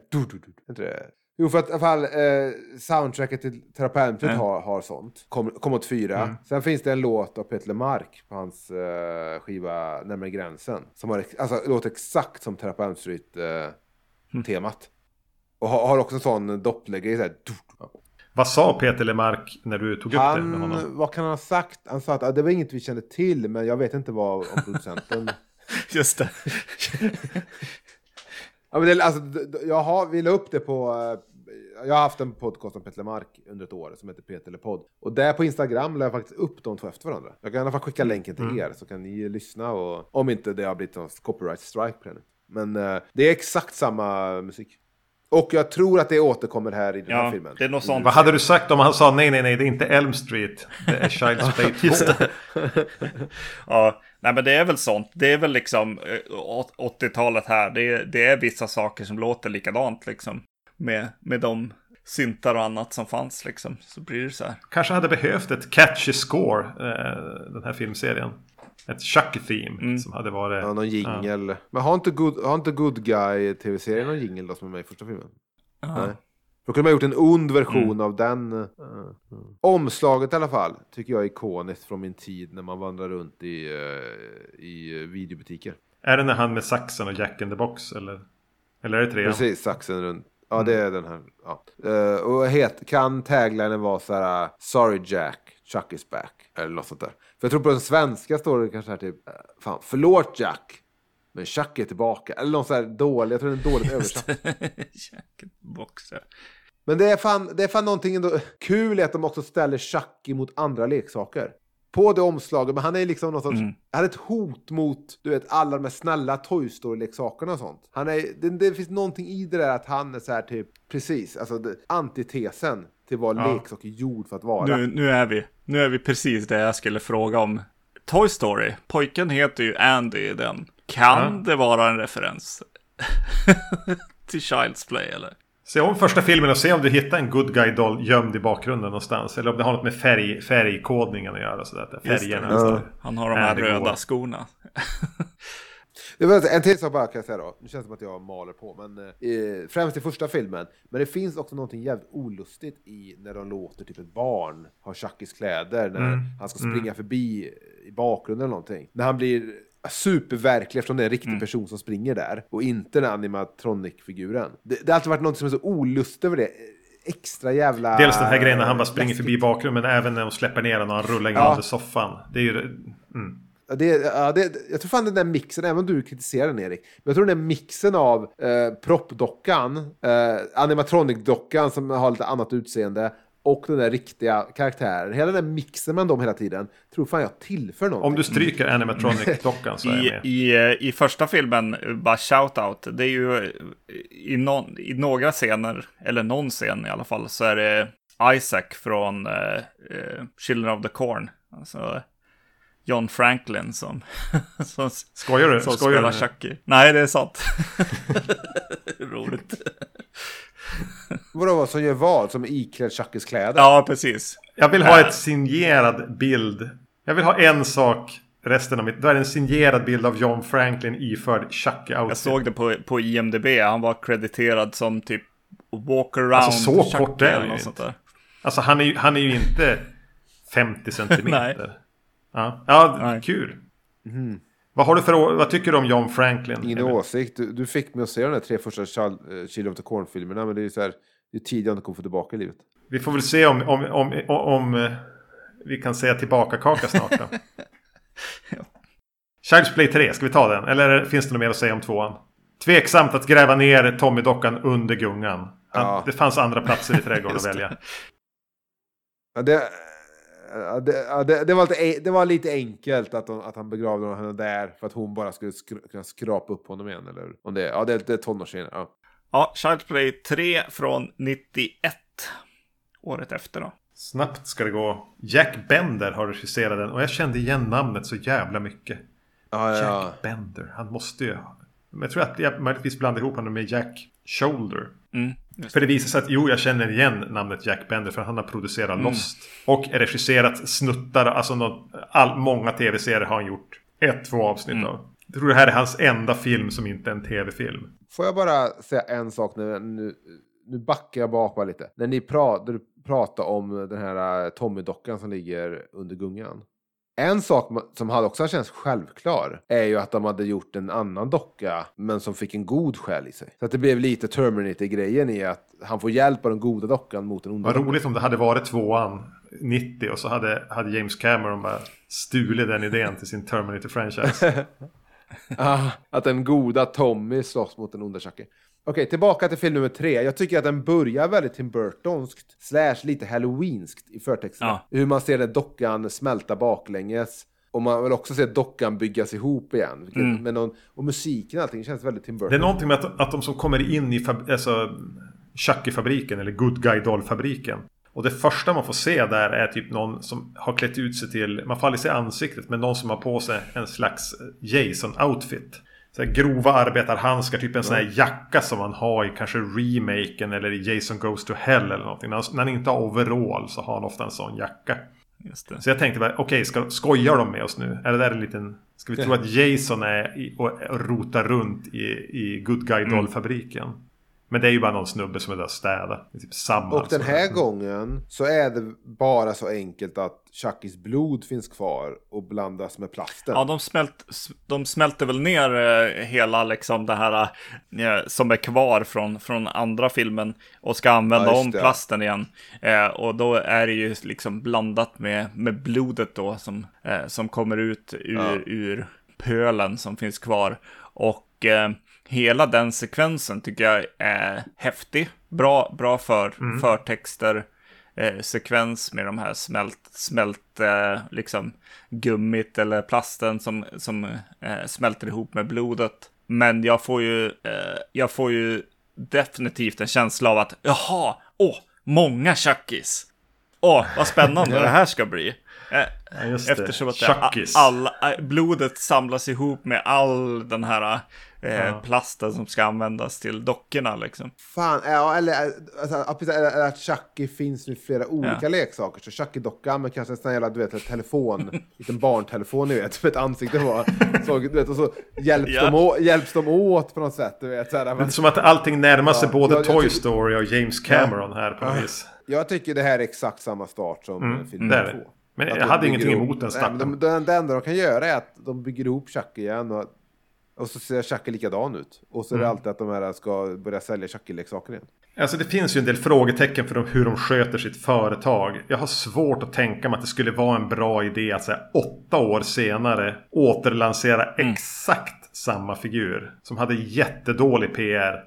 Vänta 25 år och göra en så här retro-kitschig grej. Men åtta år senare. Men det, vad, vad hamnade vi då? Så här, 2014. Vem är nostalgisk till 2014 nu? Men låt, låt mig ändå säga då att om du såg första filmen, jag vet inte om du var uppmärksam för du var så uttråkad. Men alltså Good Guys fanns ju överallt. Det är inte bara att sälja veckan. De hade ju tv-serier, de hade flingor, de hade kläder, de hade allting. Det var ett helt imperium bara kring Good Guy-brandet. Så det är klart att, man, att det var nog otroliga pengar som bara rullade in till det här äh, dåligt skötta jävla företaget som inte vet hur man lägger upp en äh, production line för att göra dockor.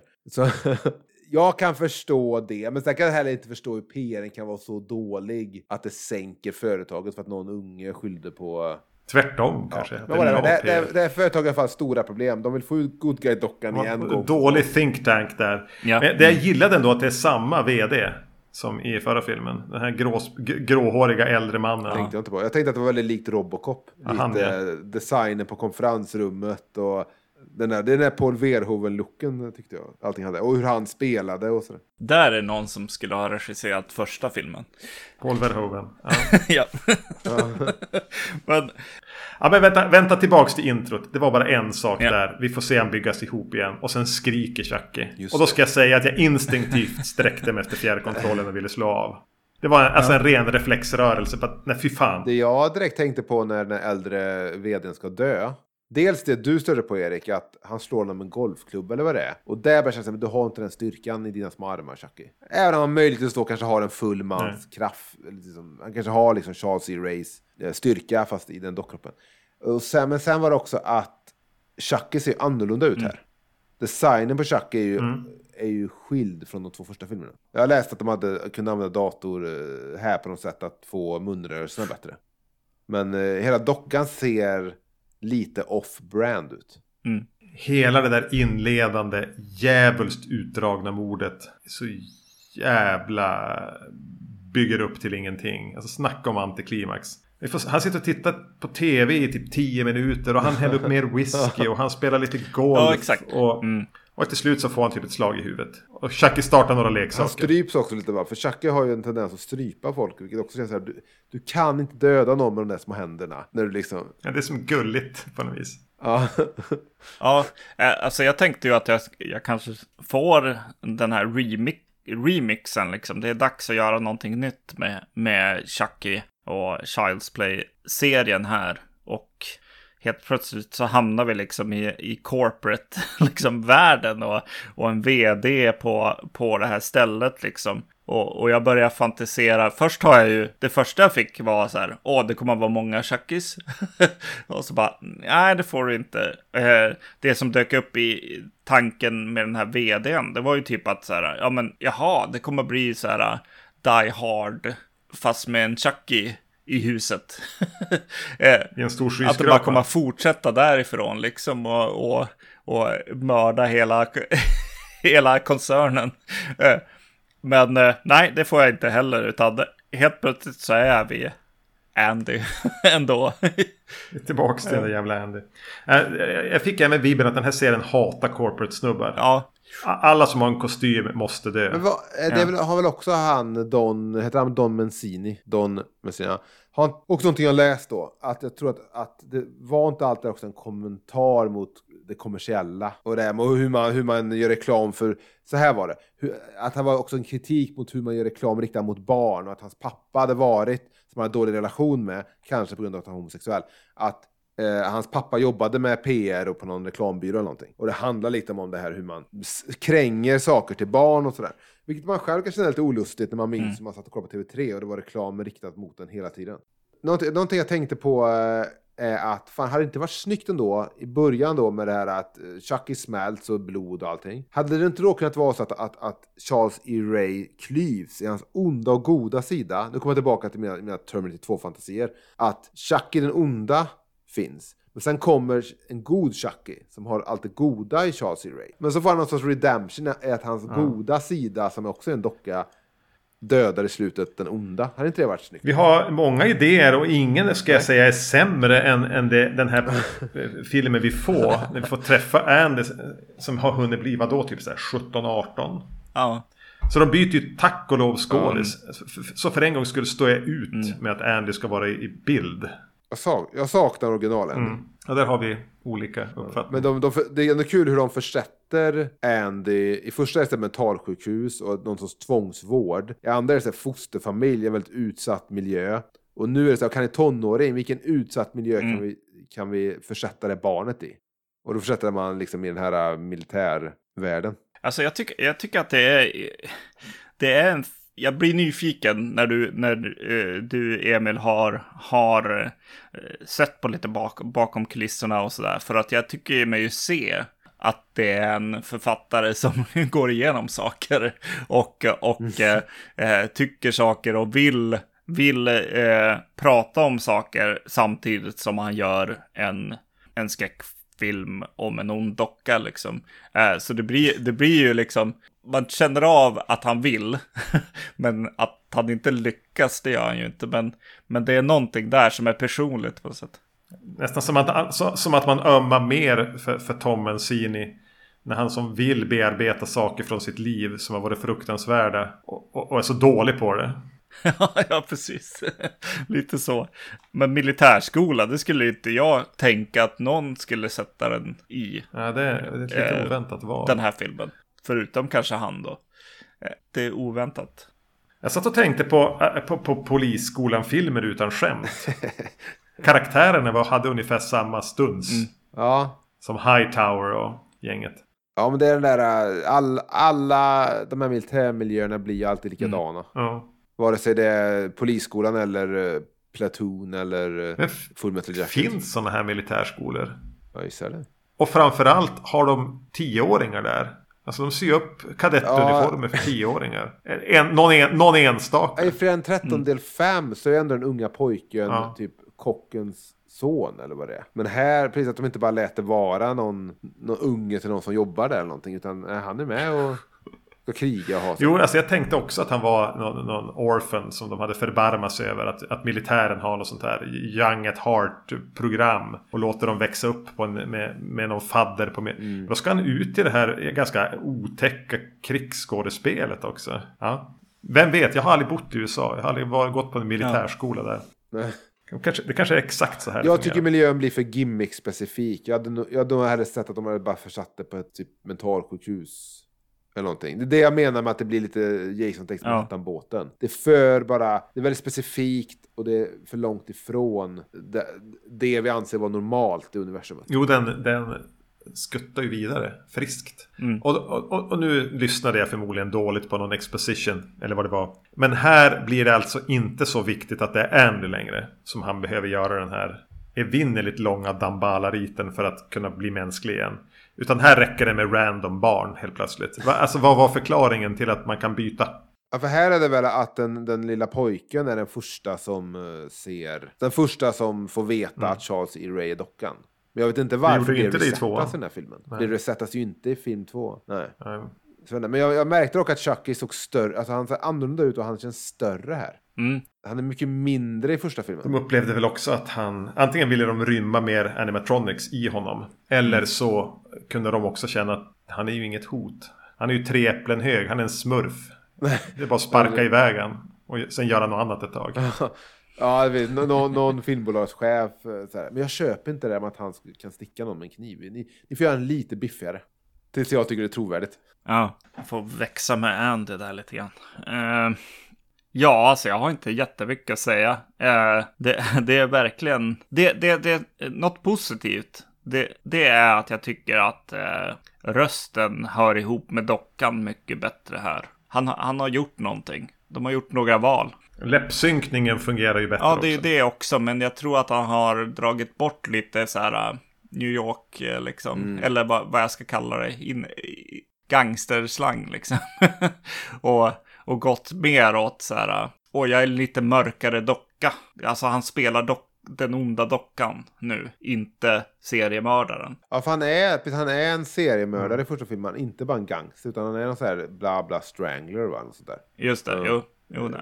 Ja, men jag tycker Chucky känns lite off i den här. Det känns lite off-brand. Men sen det roliga med den här filmen är att det är, li, det jag har alltid känt att det är lite det svarta fåret i den här trilogin. För den här filmen såg aldrig jag någonstans. Tvåan, som jag sa, omslaget gick man förbi videobutiken. Första filmen såg vi, den fanns inspelad, någon kompis hade den. Så alla i kvarteret såg den. Den här filmen känns ny för mig när jag, nu när jag ser den igen. Det är så, jag har inte sett den så ofta, jag har inte tänkt på den så mycket. Den känns lite som en, lite bortglömd. För mig är tvåan och trean samma sak. Alltså jag hade ingen relation till någon av dem. Att, att kasta mig in i det här. Utan ettan har jag sett då och då. Men tvåan och trean. Jag har sett de här tidigare, det vet jag. Jag mindes leksaksfabriken där, scenen. Men, men den här mindes jag ingenting av. Jag kanske inte har sett den. Nej, den här var mest oväntad, helt enkelt. Den har en hopplös scen. Vi skulle kunna gå igenom den steg för steg och ha en föreläsning om den. Och det är ju scenen i anslutning till att vissa får veta att Chucky lever och han har bytt ut de här paintballskotten mot riktiga skott. Det är egentligen jättemycket som händer. Och någon kastar sig på en handgranat och offrar sitt liv och en blir ihjälskjuten. Och vissa vet, förstår att Chucky är en levande docka. Det händer inom loppet av några minuter. Men ingenting spelar någon roll. Ja. Det känns som, som second unit allting. Jag förstår inte hur man... Alltså det blir på något vis den här dramatiska kulmen då det dör karaktärer vi har fått lära oss älska eller hata. Och, och, men det, det betyder ingenting. Det är nästan ett intressant fenomen att se att man kan montera ner en scen till att betyda så oerhört lite när så mycket i filmen är koncentrerat till de få minuterna. I, Jag minns att Chucky byter ut patronerna. Och Ja. han dödar frisören. Ja. Och Andys nya kompis ser att han har dödat frisören, springer tillbaka till Andy. De ska ut och göra det. De ska, göra- de ska, han, han blir helt ställd och vill inte erkänna för sig själv. Manusmässigt såklart väldigt bekvämt. Och så ska de ut på den här krigsleken. Men är det, är det någonsin någon risk med de här patronerna? Ja, men det är ju en, alltså den elaka eh, kadetten eller vad man ska säga. Han blir ju ihjälskjuten. Och, det, och, och några skott tar i några trästammar och de säger herregud. De använder ju Jaha, det här, det här är jag helt riktiga skott. out. Men som sagt var, den är så... Jag har aldrig, nog aldrig varit med om att en scen slarvas bort så fullständigt så att den känns som en, ja, men second unit, som en, som en, som en panorering över Crystal Lake.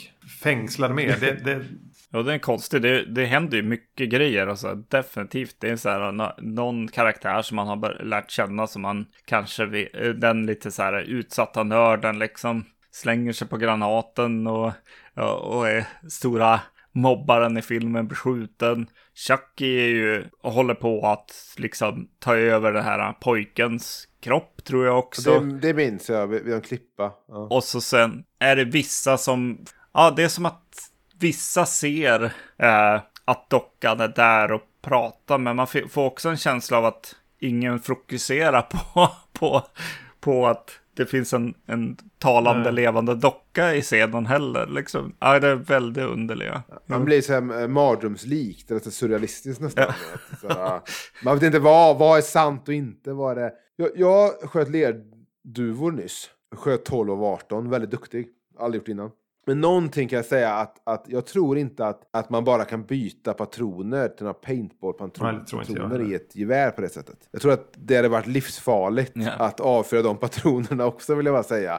Som ser, lika, som fun- ser likadana ut. Och därmed typ är samma typ av vad de, innehåller färg istället. Ändå, färgen hade Ja. kommit med en fruktansvärd kraft i alla Ja. fall. Ja, för det, ja, precis. Så att det där känns inte helt trovärdigt för mig som ändå är lite expert när det kommer till vapen och... eh, Ja, men det är just din vapenexpertis som gör att vi har bjudit in dig till det här. Så det var ju bra att du kunde leverera på den punkten.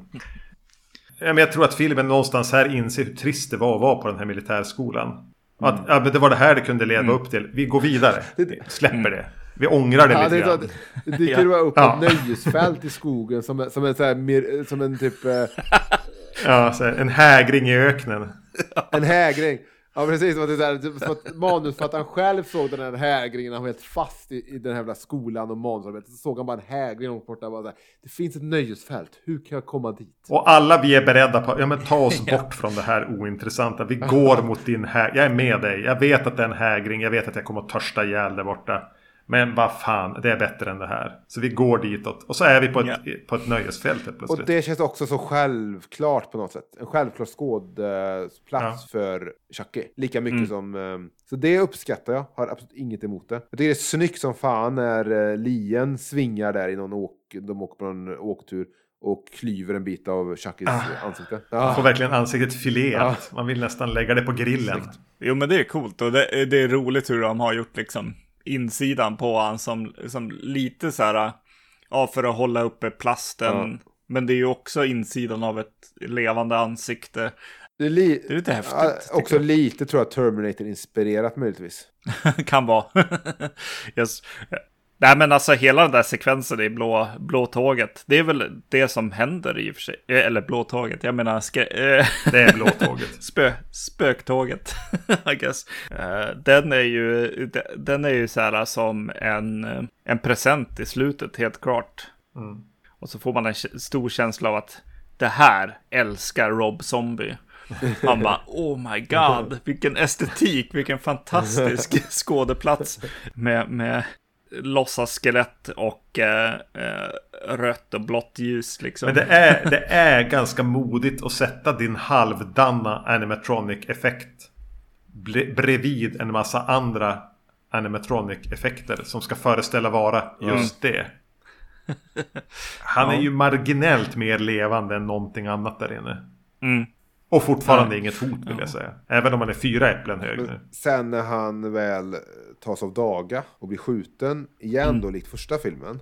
Så, ja, alltså, från första filmen har jag, jag har sånt, alltid sånt klart minne med slow motion bilderna när de skjuter av hans lemmar. När han är helt sotsvart, sönder, så bara skjuts lemmarna av och sen sk- skjuts han väl så han bara flyger in i väggen. Jävligt snyggt. Hela hela slutet i första filmen är jävligt bra. Så jag, jag, blev besviken på när han blev skjuten här. Han bara typ försvinner bort. Man får inte den snygga slow motion sekvensen där bara ser hur blodet sprutar. Att han bara, han bara Han faller ju iväg. ner i den där eh, fläkten. Hackas sönder i en evighetslång scen. Och vet ni vad? I den scenen, de, jag vet inte hur många olika tagningar de har använt för att få saker att flyga på rätt sätt. Men då flyger det upp en liten sko. Och jag, och jag tänkte när jag såg den komma och snurra där i slow motion, kasta sig. Åh, hans lilla sko. Stackarn. Det är som att putta ner ett barn Ja. i en fläkt. Vad fan gör ni? Ja, det där ha, ha koll på tonen och Ja. så, jag vet inte. Ja, alltså nu, nu, när, nu när vi har gått igenom dem och, och vi har pratat om att så här, ja, nej men det, det är lite trist. Så har, har ändå alla tre filmerna här kommit till sig liksom. Eh, fått en vändning mot slutet va? Ja. Det är no- någonting den här manusförfattaren tydligen kan. Ja, starka tredje Ja, akter. ja. Eh, Knepet är att skriva svaga. Han kan det här nu. Yes. Det jag tänker på nu, det håller ju inte ihop sen när bara Chucky kommer. För då, då ligger väl eh, Chucky i någon sån här bevispåse in hos polisen. Bredvid typ Freddys handske och Jasons mask och sådär. Och då är han ju rätt hel. Och här blir han ju bara slafs i den jävla Menar du att de gör en Jason Goes to Hell-fuskis? Lite att de, fusk, de fuskar lite mer hel än vad, vad han är. Ja. Kanske antyder de att det, att det var filmer däremellan. Samtidigt är ju de och Chucky-filmen en helt annan uh, bäst. Jag har svårt att tänka mig att polisen skulle behålla Jasons mask i en bevispåse speciellt länge. Ja, att, nej, sen tror jag det är bättre, alltså det ligger liksom så här äh, mer kartonglådor med allting. Det ligger väl inte bara så här. Här, här är be, ett litet bevisförråd. Släng bara in saker på. Det är samma företag som, som förvarar saker åt polisen som gjorde den där produktionslinan för Chucky. Ja. Otroligt ineffektiv förvaring. Men en fråga till er då, för det känns som att vi har pratat om trean lite nu också. Eh, har ni sett tv-serien som väl följer Nej. direkt Nej. efter eh, den här filmen? Men jag utgår från att du har Den sett som, den. den som nu har fått en säsong två väl, eh, greenlightad. Nej, men jag såg trailern bara, för trailern är väl typ att någon är på en loppmarknad och hittar Chucky-dockan. Och att det inte är Bride of Chucky, eh, Chucky utan det är Chucky efter, som jag uppfattar det, efter de här filmerna. Kan ha fel. Noterade var att hon som spelar den här tjejen i tvåan, hans eh, fosterstora syster är med till exempel. Att de kastar in karaktärer Mm. som har spelat större och mindre roller i de tre första. Får dyka upp. Ja. Ja, för, ja precis, för Andy dyker ju upp igen också. Åh, herregud. Men han tror jag även varit med i några av de här Cult of Chucky och Ja. Children of the det. Corn of Chucky och allt de där. Det finns fyra stycken som, fyra stycken till och en remake. Remake, remaken är något tråkigaste och eh, mest futtiga jag någonsin har sett på bio. Ja, Och det var såg så, också på det var en sån också visning där man kände av efter typ kanske 20 minuter att ingen av oss i salongen vill vara här. Folk satt och pratade men ingen riktigt brydde sig för vi satt bara av tiden. Alla ville därifrån. Man bara kände det hur ingen satt och var intresserad av filmen. Den var så jävla hopplös. Ja, den var nog det. Och då var han typ ett helt så här eh, hemmabiosystem eller vad man ska säga. Han var en Apple-TV. Han var ju så smart, ja, smart uppkopplad docka. Vilket är en skitrolig idé till en modern, eh, en docka som är besatt film. Det är skitkul med nå- nå- något smart som går haywire och blir någon sorts HAL från 2001. Skitrolig idé.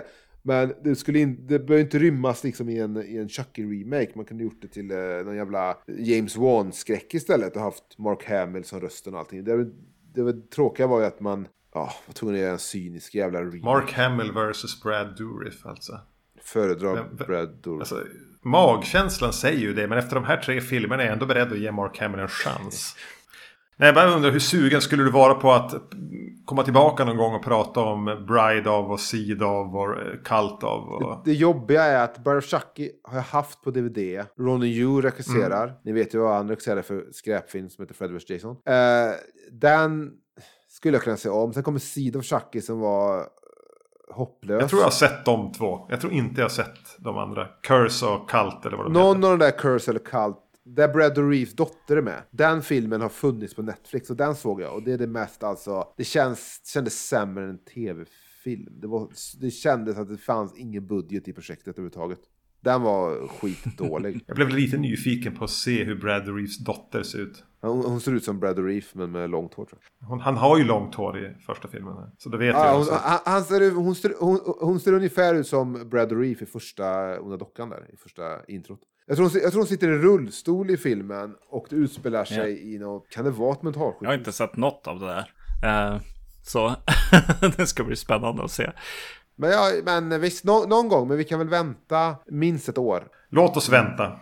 Mm. Jag, jag, jag, tror du skulle bli eh, underhållen kanske av Bride of Chucky. Mm. Men om du ser Dan och Freddy vs Jason så finns en instängdhet i båda filmerna. Och jag vet inte vad det är som Ronny Yu inte klarar av med att, med att, att mm. sätta en film i någon sorts verklighet. Men båda de känns som att de liksom är inspelade alltså på en världens minsta back. Vad får dig att tro att det inte är ett konstnärligt val? Jag vet inte, men jag vill minnas också att båda filmerna har scener i skåpbilar som också känns bara som att okej, okay, nu har ni spelat in det här i något garage bara. Så har någon stått och skakat lite på skåpbilen utanför. Det, det är bara någonting med mm. hur han, Ronny Yu regisserar film som gör att det, de känns så jävla, jag vet inte vad det är, det så artificiellt ja, allting. Det finns ingen...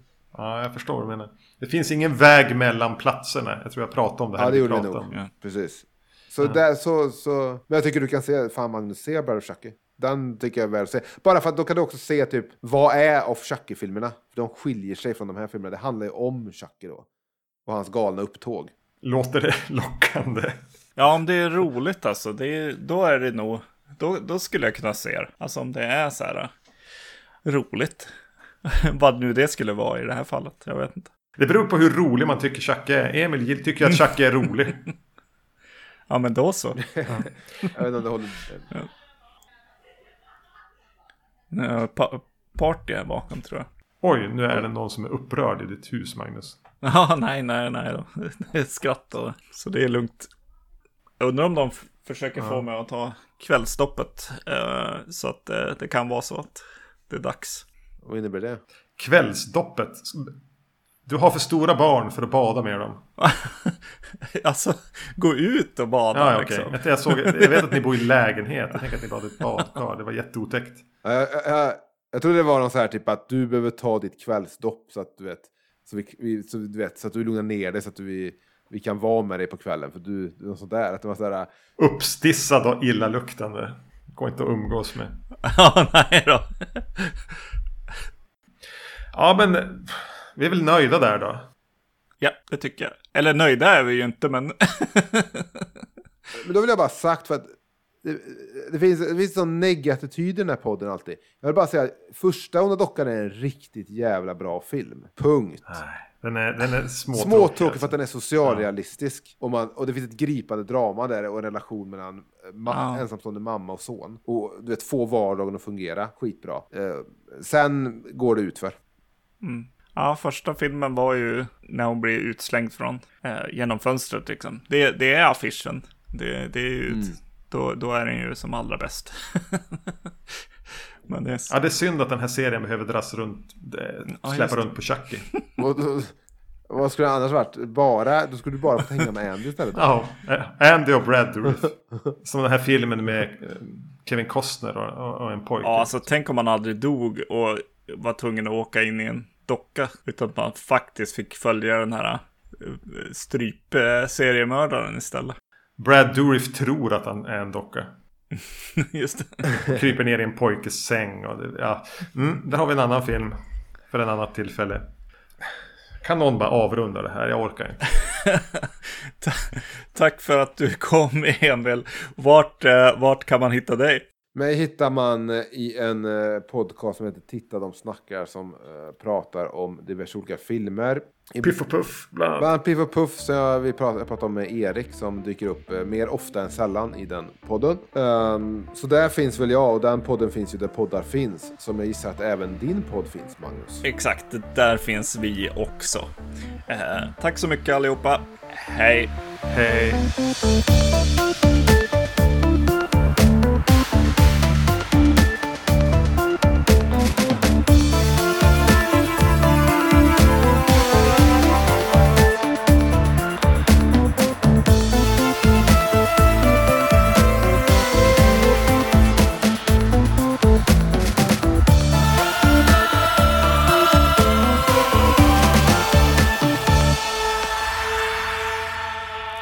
Sagt, jag hade ett svidande öga hela inspelningen. Håll inte emot mig.